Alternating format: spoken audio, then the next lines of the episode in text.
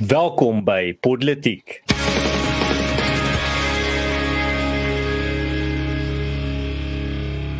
My naam is Arno Rood en saam met my in die ateljee het ons vir Paul Marits en Erns van Sail en in vandag se episode elektrisiteit minister se planne op Vrystaat afvalwater flop en Biden hou 2024 dop. So dankie Arno. Erns lekker om julle eens te gesels. Erns um, ons uh, is bly om te sien op sosiale media dat jy jou verlof geniet het. Uh sal uh ja, ons ons ons hou die die uitloop van daai verlof dop sterkte daarmee. Ehm um, nou ja, ek ek dink as ons uh, so 'n bietjie kyk na dinge waarmee Eskom sukkel, dan is dit om uh planne te hê en dit lyk my dis nie net uh, die elektrisiteitsvoorsiening nie, maar ook die strategie wat veronderstel is om agter te wees. So Erns blykbaar sukkel hierdie minister al klaar so 'n bietjie wat uh, strategie betref. Hmm. Ja, Paul, uh, by die storie het ons praat baie oor uh, Eskom op uh, hier op politiek, maar ek dink dit is een van die die groot kwessies van ons tyd. Ek glo vas dat Eskom gaan uh, het 'n kans om die ANC se Chernobyl te wees. So kom ons kyk uh, wat lê hierso voor vir ons in vandag se storie. So vandag se storie is nie baie anders as vorige kere nie, maar wat nou hierdie week gebeur het is dat uh, die minister uh van die presidentskap verantwoordelik vir elektrisiteit um meneer Ramalgopa het gesê dat uh Suid-Afrikaners moet verwag om in 2023 'n baie koue en harde winter te hê. Nou ons almal weet wat die korrelasie daarso is. Uh soos wat uh die winter baie koud raak veral hierso in uh die Hoëveld raak die aanvraag vir elektrisiteit ook baie hoër soos wat mense verwarmers aansit, uh ligte langer brand wat raak vroeër donker, um is ook langer donker in die oggend. Um hele paar faktore wat saam met die winter kom wat krag aanvraag of uh verhoog. Maar wat ek ook vandag vir bylas is uh hier op uh, Marula Media het hulle eintlik 'n baie goeie uiteensetting gegee van wat by al die kragstasies in Suid-Afrika aan die gang is en ek sal graag vir julle so 'n paar van hulle wil lees net om vir julle 'n idee te gee van wat aangaan. So by uh Medupi uh, is die groot probleem uh die voort uh, voort uh, voortydige mislukking van eenhede met die oudste eenheid wat net 8 jaar oud is en die jongste net 2 jaar oud. Korrupsie is 'n groot probleem met die verkeerde toerusting wat gebruik word weens uh, uh vir verskaffer probleme uh by Eskom. En Medupi kan tot 24% van die tyd nie teen sy volle kapasiteit funksioneer nie. Medupi se energiebeskikbaarheidsfaktor EBF staan op 70%. By Kusile is daar 3 eenhede wat uit diens is en nadat 'n voerpomp na hulle gedeelte 'n uh, gedeelde skoorsteen in een gestort het. Die, die EBF van Kusile is tans op 37%. Dan uh, sommer net 'n paar ander hiersovele. Ehm um, Mayuba se EBF is op uh, 47% en dan kriel is ook op 49%, dis nie kali kriel nie. En dan uh sommer 'n laaste een hierso Kuiberg. Ehm um, by Kuiberg is daar 'n vertraging van meer as 40 dae vir die her uh 'n herindienstelling van eenheid 1 drie stoomontwikkelaars by eenheid 2 sal na afloop van die uh, suksesvolle werk aan eenheid 1 ook vervang word. Eskom se uh, oop siklus gasturbines word al meer al meer ingespan en uh, volgens die uh, minister van elektrisiteit is dit veronderstel om net 4% van die tyd te loop, maar loop dit nou al uh, 44.5% van die tyd. So daar's 'n klomp kommerwekkende statistiek aan die gang en uh, die uh, is net vir my snaaks dat uh, toe die uh, die EFF hulle ou klein uh mars gedoen het uh, af in die strate van van die stede van Suid-Afrika toe hulle hulle ondersteuners nog na die tyd geglo dat uh, die klein breek wat ons in uh, beurtkrag gekry het veroorsaak was as deur daardie uh, mars van hulle asof hulle een of ander ehm um, een of ander uh uh magiese ritueel uh gedoen het daarso maar nietemin uh waar ons nou hierso sit die prentjie wat ek net vir julle geskets het uh dit is die realiteit op die grond as dit kom by die kragkrisis in Suid-Afrika. Dankie Erns. Ek ek dink weet wat vir my interessant is is wel mense met 'n paar vrae vra nê. Nee. En as ons die ding wil ontnonsens om tot van self vrou dink ons oor hierdie fenomeen. En ek reken 'n mens sou maklik kon sê luister, jy weet kom ons sê jy's 'n gereelde politiek kyker en ons het baie van hulle dankie vir julle wat gereeld kyk. Ons waardeer dit. Maar as jy 'n gereelde politiek kyker is, kan vir jouself vra hoorie, maar ons hoor nou al vir 5 jaar hoe julle ouens kla en kerm oor die feit dat Eskom sukkel. Los dit nou praat oor iets anders. So, ehm um, ek ek dink daar's twee goed wat mense hier moet sê. Uh, jy moet ten eerste sê uh wel weet jy wat Um, ons ons sit met een van die grootste polities-ekonomiese krisisse wat die land al ooit gesien het en om te maak of dit nie bestaan nie en om nie daaroor te praat nie is gewoon onverantwoordelik. So ons het die plig om daaroor te praat. Maar verder as dit erns ek dink jy jy slaan nie spyker op die kop teer te sê dit kan hulle Chernobyl wees. Dis belangrik om te onthou Eskom het nie net gebeur nie. Eskom is nie soos 'n uh, 'n tsunami of 'n aardbewing wat onvoorsiene natuurramp is nie. Uh, in 2002 is daar waarskuwings gegee aan Eskom.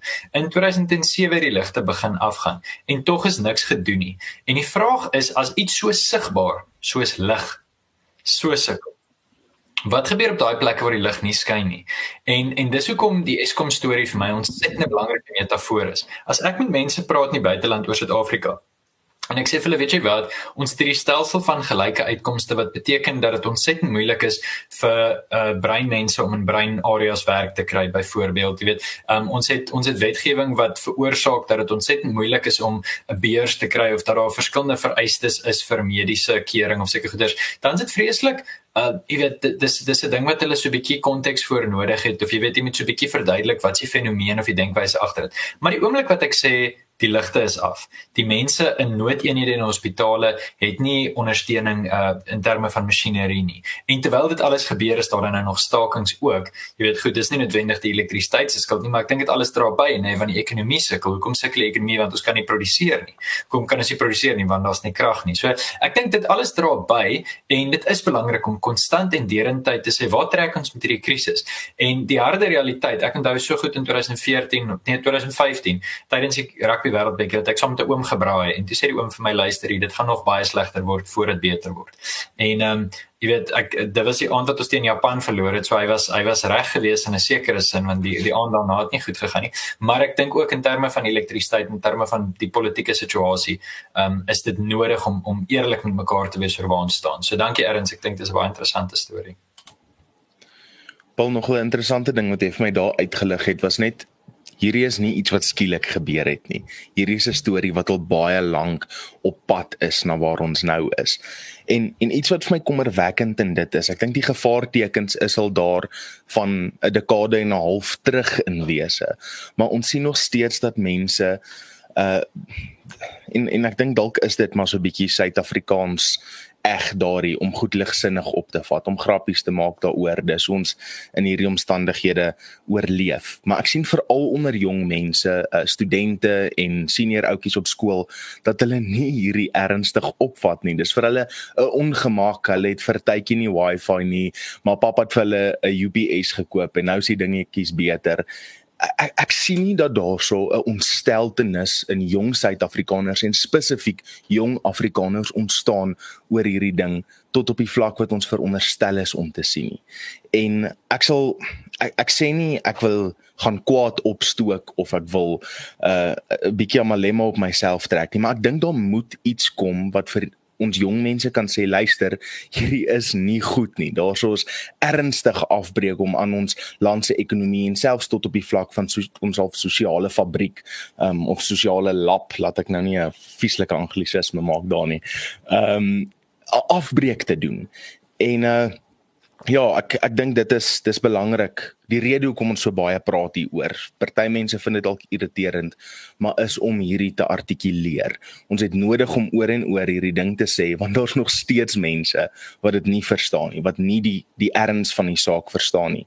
En ehm um, ek dink ons gaan aanhou oor Eskom praat totdat of almal dit verstaan of dit beter raak. So uh, maak my hulle veiligheidsgordels vas vir daai een. Ja, en ek dink om daarby by te las om dalk uh, die storie af te sluit. Daar is tog ook 'n silwer randjie, so daar is 'n organiese uh, beweging aan die gang, iets wat nou nie gekoördineer word van een, een sentrale punt nie en dit is net ek dink 'n uh, privaat huishoudings wat besig is om sonpanele op te sit dat die bissies bewe. Ek dink as as jy in daai industrie is, maak jy tans uh geld uh, wat wat skrik vir niks. Nou, ek het sommer net vandag toe ek nou dink oor hierdie storie op pad van die werk af uh, uh voor ek nou hierso uh kom sit het tot ons die episode kan doen. Toe kyk ek sommer na al die huise op pad van die werk af tot hier wat ek kan sien met sonpanele op hulle dakke en in my buurt sien ek dosyne huise wat nou onlangs sonpanele opgekry het. Nie toe ek hier aan dit nie nou, nie jare terug nie, nou onlangs wat nie uh, nuwe sonpanele gekry het. Ek het in my eie straat het ek uh, tussen 8 en 10 uh huise getel wat uh, nou sonpanele op het en behoorlike sonpanele. Dan die ander ding wat ook gebeur wat 'n uitstekende nuwe ontwikkeling is is uh dis 'n tydjie terug het hulle berig daarop op uh Marula Media in 2023 is dat uh, die uh, maatskappy Rural Maintenance het in uh, Februarie 2012 die munisipaliteit uh uh wat die dorpe van Frankfurt, Tweeling, Cornelia en De Villiers bedien in die Vrystaat, se elektrisiteitsbestuur oorge, oorgeneem. En sedertdien lewer hierdie maatskappy van die goedkoopste krag in die land en inwoners, uh, sommige munisipaliteite uitgesluit, betaal rekening getrou ten volle en uh, en wanneer 'n probleem opduik word dit as 'n saak van dringendheid reggestel. So ons sien klaar dat uh, daar word uit die privaat sektor uit en vanaf die burgery self of self op 'n private vlak uh, organies uh, aan die probleem 'n uh, oplossing gevind. Nou dit is nie 'n oplossing wat vir almal onmiddellik die kragkrisis gaan oplos nie, maar ten minste wys dit dat uh, daar is 'n uh, daar is iets wat gedoen kan word, iets wat gedoen word. En baie vinnig is mense sonder dat hulle eintlik dit weet, is hulle besig om hulle self staatsbestand te maak uh in 'n sekere kapasiteit. En met soos wat tyd verbygaan, gaan hierdie tipe tegnologie net al hoe goedkoper en goedkoper raak en makliker raak om te integreer in jou lewe in. So dit is tog uh die silwer randjie wat ek in hierdie storie sien dit is nie die hoofnuus hier nie die hoofnuus is nog steeds die staatsverval. Ons kan nie net fokus op uh die uh die die silwer randjie en maak asof dit nou die hoof positiewe uh storie of die hooftrand hierso is nie. Maar dit is tog 'n positiewe uh uh blink in die donker wat ek dink uh tog ook genoem moet word. Maar nou genoeg gepraat van elektrisiteit, kom ons uh, skakel oor na iets net so belangrik en iets net so in krisis en dit is water. Uh Arno, kan jy vir ons bietjie meer daarso uh, vertel wat se storie het jy vandag gekies om daai onderwerp? Ja, nee. Uh erns ek uh, ek dink dood eenvoudig wil ek sê ons is in die moeilikheid. Ehm um, ons praat oor afvalwater, so daar was eers ander woorde wat na denk gekom het in in dit, maar in in wese is ons in die moeilikheid. Daar is nou uh vandag 'n verslag gepubliseer ehm um, waarin daar uiteengesit is dat vir die net so rondom 1000 afval behandelingsinstellings in Suid-Afrika is om en by 'n derde van hulle kritiek uh, in toestand dat hulle is op die punt om in een te stort. En um, dan die provinsie wat by verre die ergste van hulle almal is, is die Vrystaat waar 2/3 van hierdie instellings op die punt is om werklik in een te stort. Nou uh vir baie mense klink dit dalk nie nie nie na groot ding nie. Wat is is is hierdie instellings nou eintlik? Ehm um, net soos wat wat wat ons elektrisiteit kwessies oorspoel en verskriklik baie ander spasies het ons watersuiweringstelsels net so groot invloed. Dis nie net ons drinkwater wat hierdeur beïnvloed word nie. Dit is die invloed van rioolwater in ons riviere in. Dit is die beïnvloed wat dit die invloed wat dit het op ons landbousektor. Dit is die invloed wat dit het op ons toerisme sektor. Uh, ek was vandag die hele dag basies besig om aanmaningsskrywes aan verskillende munisipaliteite te skryf oor die riool wat in hulle riviere inloop hierdie is 'n enorme kwessie wat baie mense nog nie lekker vasvat nie. Die riool wat in jou straat inloop is nie net 'n onaangename reekie vir jou wanneer jy Saterdag probeer braai nie. Dit is 'n uh, kenteken van 'n uh, verkrummelende infrastruktuur en dis nie net uh gelokaliseer nie. Dit is ons hele land oor. Die die mees skokkende ding vir my uit hierdie is is toe die aanvanklike studie gedoen was of of die audit oor ons watersuiweringsinfrastruktuur en daar gevind was dat 'n derde van hulle in mekaar stort, was daar vir daai, ek dink dit was 380 instellings gesê, luister, julle het 60 dae om 'n plan mee vorendag te kom en te begin implementeer om hierdie reg te ruk. Dit was deur die nasionale regering aan hierdie munisipaliteite gesê.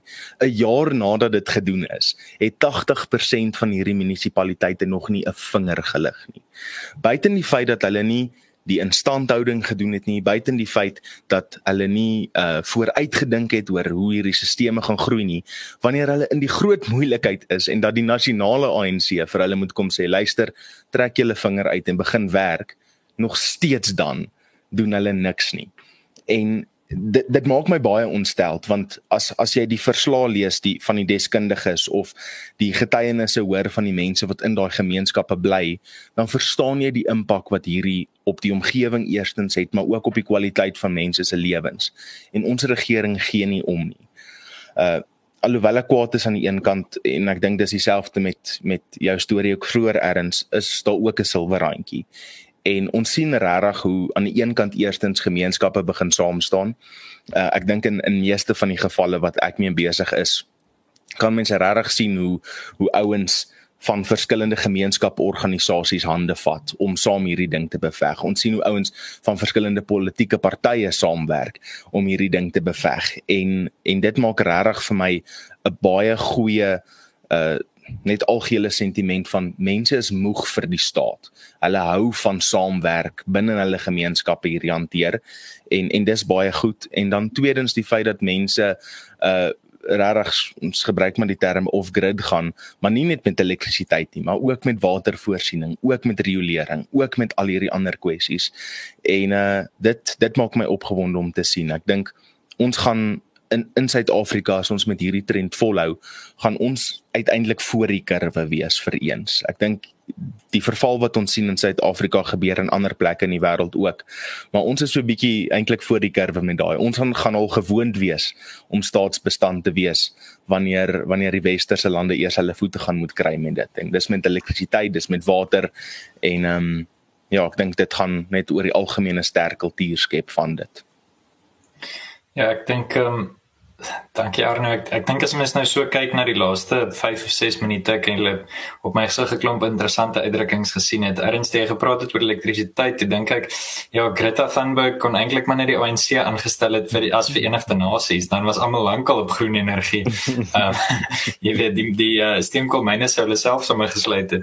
Ehm um, en ek dink uh, Arno toe, toe jy bietjie gepraat het oor die ehm um, die menslike afvalstowwe in water het ek aan 'n klomp oulike uitdrukkings gedink maar um, ek het genoeg respek vir Marula Media om nie daai uitdrukkings nou te gebruik nie. Dankie aan ons vriende by Marula Media wat ons episode elke week um simulcast is die uh, is die Engels. Ek ek kom sê maar net uitsaai of publiseer. Ons waardeer dit en as volg daarvan kan ons nie oom Steve Hofmeyer se versoek vir meer vloekwoorde aanvoldoen nie. Ek sal my heel laaste politieke episode 'n paar fluiters los en dan kan ons dit daar sit. Um Kerels, okay, so ek gaan klein bietjie kontroversieel wees. Ek dink hulle gaan my saamstem met wat ek sê. Ehm um, as ons die idee het dat Suid-Afrika 'n landstreek is in plaas van 'n land en dat jy 'n klomp verskillende volke is. Wat ek daarmee bedoel is dit is nie 'n soewereine staat soos wat jy uh histories die konsep sou sien nie. Uh, jy weet, jy het klomp verskillende volke of kultuurgroepe, kultuurgemeenskappe. Mense hou nie daarvan dat ek 'n onderskeid maak nie, maar dit is tog belangrik een is wetenskaplik en jy weet, so jy het klomp verskillende kultuurgroepe, verskillende tale, verskillende gelowe, verskillende oortuigings, alles wat binne dieselfde landsgrense werk. En dit was aanvanklik 4 ehm um, verskillende kom ons sê republieke en kolonies wat saamgesit is, ehm um, maar 'n ba baie groter groep volke. En Jan Smit het gesê dis vir ons net moeilik om Suid-Afrika te regeer. Ons weet die ontstaan storie van Suid-Afrika, ons ken dit, dit was eenvoudig makliker vir die Engelse om een kolonie te bestuur as 4 of 10 of wat ook al en so het hulle bepaalde besluite gemaak, okay? So wat sien ons hierso? En en hoe meer ek daaroor lees, hoe meer besef ek wat ons hierso sien is presies die verval van die Romeinse ryk. Presies, jy kan op die letter gaan kyk. Hulle het nie elektrisiteit gehad nie, maar die oomblik toe hulle nie meer daai groot aqueducts kon um, dis nie Engelse woord nie, dis Latynse woord. Toe hulle nie meer die water toevoer kon kon voorsien aan daai klein dorpies uh, nie, toe verval daai dorpies, want hulle was afhanklik van hierdie sterk sentrale staat. En die oomblik as hierdie sterk sentrale staat se bestuur uitmekaar uitval, wat gebeur? Die ryk tuimel in mekaar. En wat gebeur dan? Hy word in stukkies gesny. So ek dink ons, ons ons ons weet waartoe hierdie gaan en dit beteken maar net as jy 'n uh, Khoza gemeenskap op in die Oos-Kaap is, dan kan jy nie meer afhanklik wees van jou kragtoevoer om uit Mpumalanga uit te kom met 'n klomp kabels nie, want die kabels is nie betroubaar nie, die bron die elektrisiteit met verskaf is nie is nie betroubaar nie en jou plaaslike transformer is nie opgepas nie. So daar's 'n risiko. En dieselfde ding gebeur nou met jou rioolwater. As jy daarvan afhang dat een of ander afdeling in Pretoria voldoende geld beskikbaar gaan maak en dan gaan een of ander afdeling in Bisho of in Oos-London of in Port Elizabeth genoeg vaardighede hê om na jou klein dorpie toe te kom en seker te maak dat jou rioolwater reg hanteer word en effektief hanteer word en jy is vas oortuig daarvan dat hulle dit derentyd gaan kan doen al is hulle duidelik besig om intern met mekaar te stry en ekstern weet hulle nie regtig meer hoe om die probleem op te los nie. Ek bedoel ons kon op 'n stadium 10 jaar terug kon ons hulle maar net beledig het en sê, "Ag, die ANC is so dat die ANC is so dat." Ons hoef dit nie eers meer te doen nie. Ek hoef niks te sê oor die ANC. Ek kan letterlik net die goed lys wat hulle nie reg kry nie. Ek hoef hulle nie sleg te sê nie.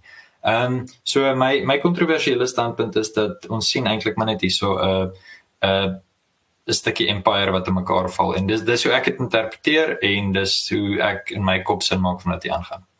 Hm. Miskien om daarby buite las Paul, ehm um, die geskiedenis wys ook vir ons uh, ryke mag in in duie stort maar baie van die volke wat onder daardie ryke uh, bestaan het uh, het voortbestaan en van hulle het nie van hulle het van hulle het later aangegaan om om groter uh van hulle eie uh groter stories te skryf. Ehm um, ek wil sommer daarby las ek dink daar's 'n belangrike punt om gemaak te word oor die die konsep van verval. Ek dink Suid-Afrika is 'n uitstekende gevalle studie as jy enigsins 'n uh, uh, 'n kenner oor verval wil wees. Ek weet nie wat jy nou dit sou noem as jy nou 'n vakgebied oor verval sou uitdink nie, maar as jy in daai vakgebied sou studeer, dan sou Suid-Afrika jou um, jou tipiese uh, gevalle studie gewees het. Ek kan onthou uh altyd daar's so 'n klise wat mense kry in politieke wetenskap. As jy jou so eerste jaar politieke wetenskap student is dan begin mens so na gevalle studies kyk. En uh, een van die gevalle studies wat altyd genoem word dan sê hulle um in politieke wetenskap dat Brazil is nie vir beginners nie. Maar ek sal sê as dit kom oor uh uh, as dit kom by verval uh, en om dit in in die omvang van verval in Suid-Afrika te verstaan is Suid-Afrika ook nie vir beginners nie. En uh, maar dit leer vir jou 'n belangrike les oor verval. En dit is dat dit nie en jy het nou vroeër daai selfe punt gemaak, ehm um, Arno, of nee, dit was dit was Paul, Paul, jy het die punt gemaak vir die vorige storie. Dat ehm um, verval gebeur nie oornag nie. Dit is nie jy, jy raak nie wakker eendag in 'n 'n vervalde staat nie. Dit is iets wat insident by insident ophoop, stukkie vir stukkie. Dit is daai sneeubal wat afrol by die heuwel en al hoe groter word. So uh wat mens dan ook net uh skus het so my my werkfoon lê. Afriforum slaap nie. Erns moet uh, moet seker maak dat daar uh, jy weet dat die veldtogte aan die gang gehou word.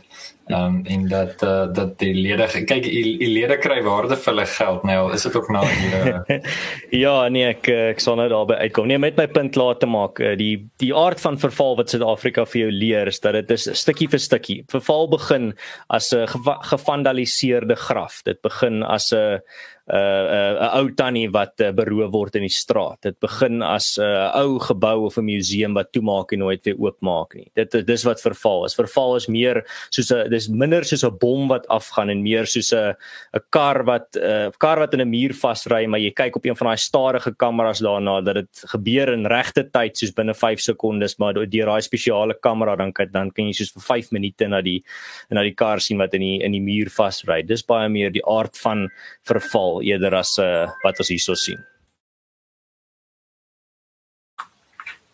Sê, ehm um, miskien moet ek sommer oorskakel na ons volgende storie toe. Ek dink die dit waar ek graag wil wil praat is ehm um, is Joe Biden wat besluit het hy gaan nog 'n termyn staan of hy beoog nog 'n termyn of die demokrate hom uiteindelik gaan toelaat of nie is 'n interessante vraag. So Arno effektief laat ek 'n bietjie agtergrond skep. Biden is gebore die 20ste November 1942. Dit beteken dat Biden effektief ehm um, jy weet hy's hy's al lank al 80 inteendeel hy het uh, hy het president geword of hy het gehoor hulle die verkiesing gewen en toe sê ek dink 6 dae later ehm um, het hy 80 geword, okay? So nou kyk jy na ou wat 84 jaar oud gaan wees. Ons is al klaar duidelik bewus van die feit dat hierdie ou nie die die intellektuele vermoë meer het wat hy gehad het nie. Maar ek meen dit is dit sal nou ook ontsettend maklik wees om net 'n ou se ouderdom te beledig en dis weet jy wat jy is 84, jy kan dit nie meer doen nie. Uh dit sou dit sou seker nie 'n onregverdige opmerking wees nie, maar kom ons wees 'n bietjie meer wetenskaplik hieroor.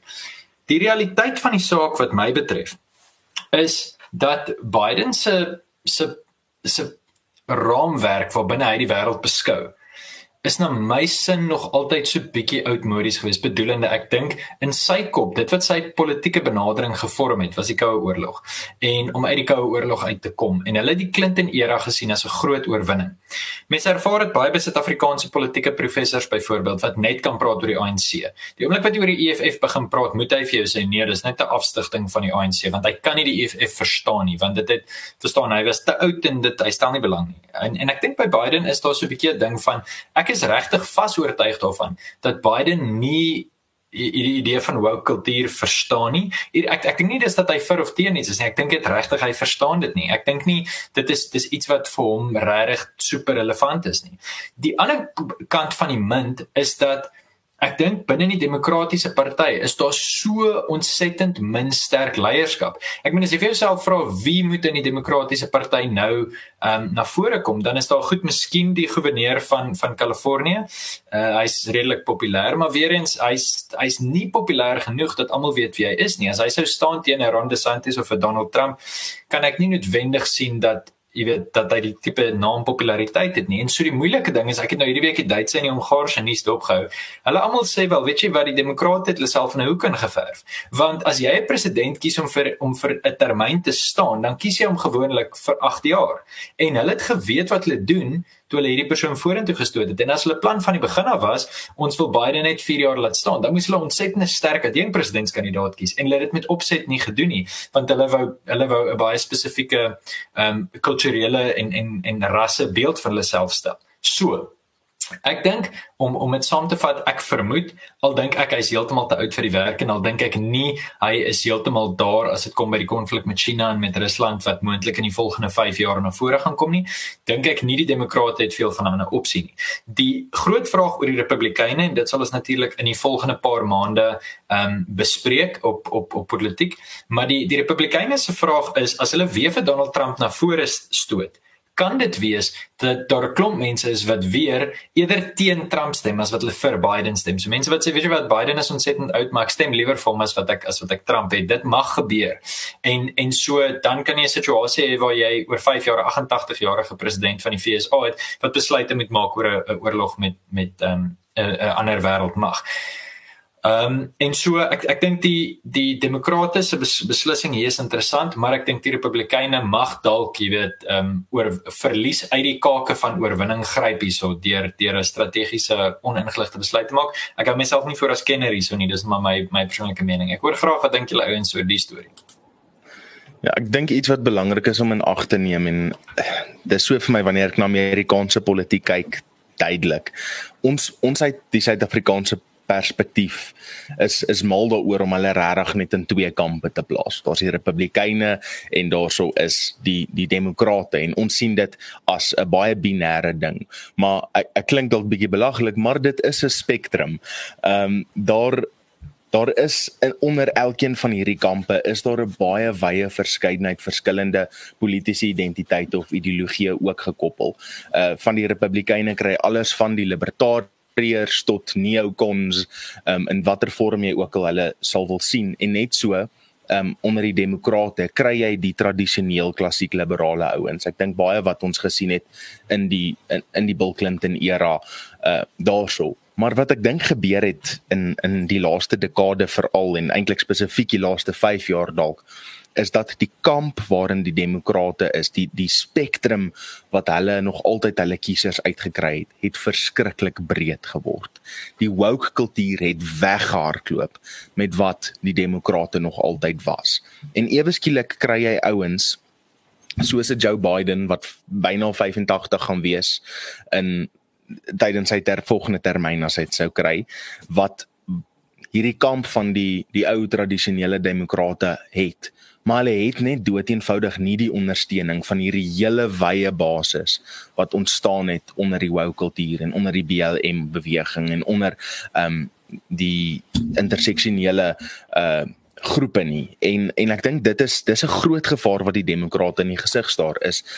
Ek ek dink die DA het die term 'n wide church of a broad church gebruik op 'n punt. Maar ek dink die demokratiese kerk het eenvoudig te breed geword tot op die punt wat hy nou gaan inval. Daar is nie 'n leier nie en ek stem heeltemal saam met jou daarso Paul wat wat hierdie ouens kan laat verenig nie.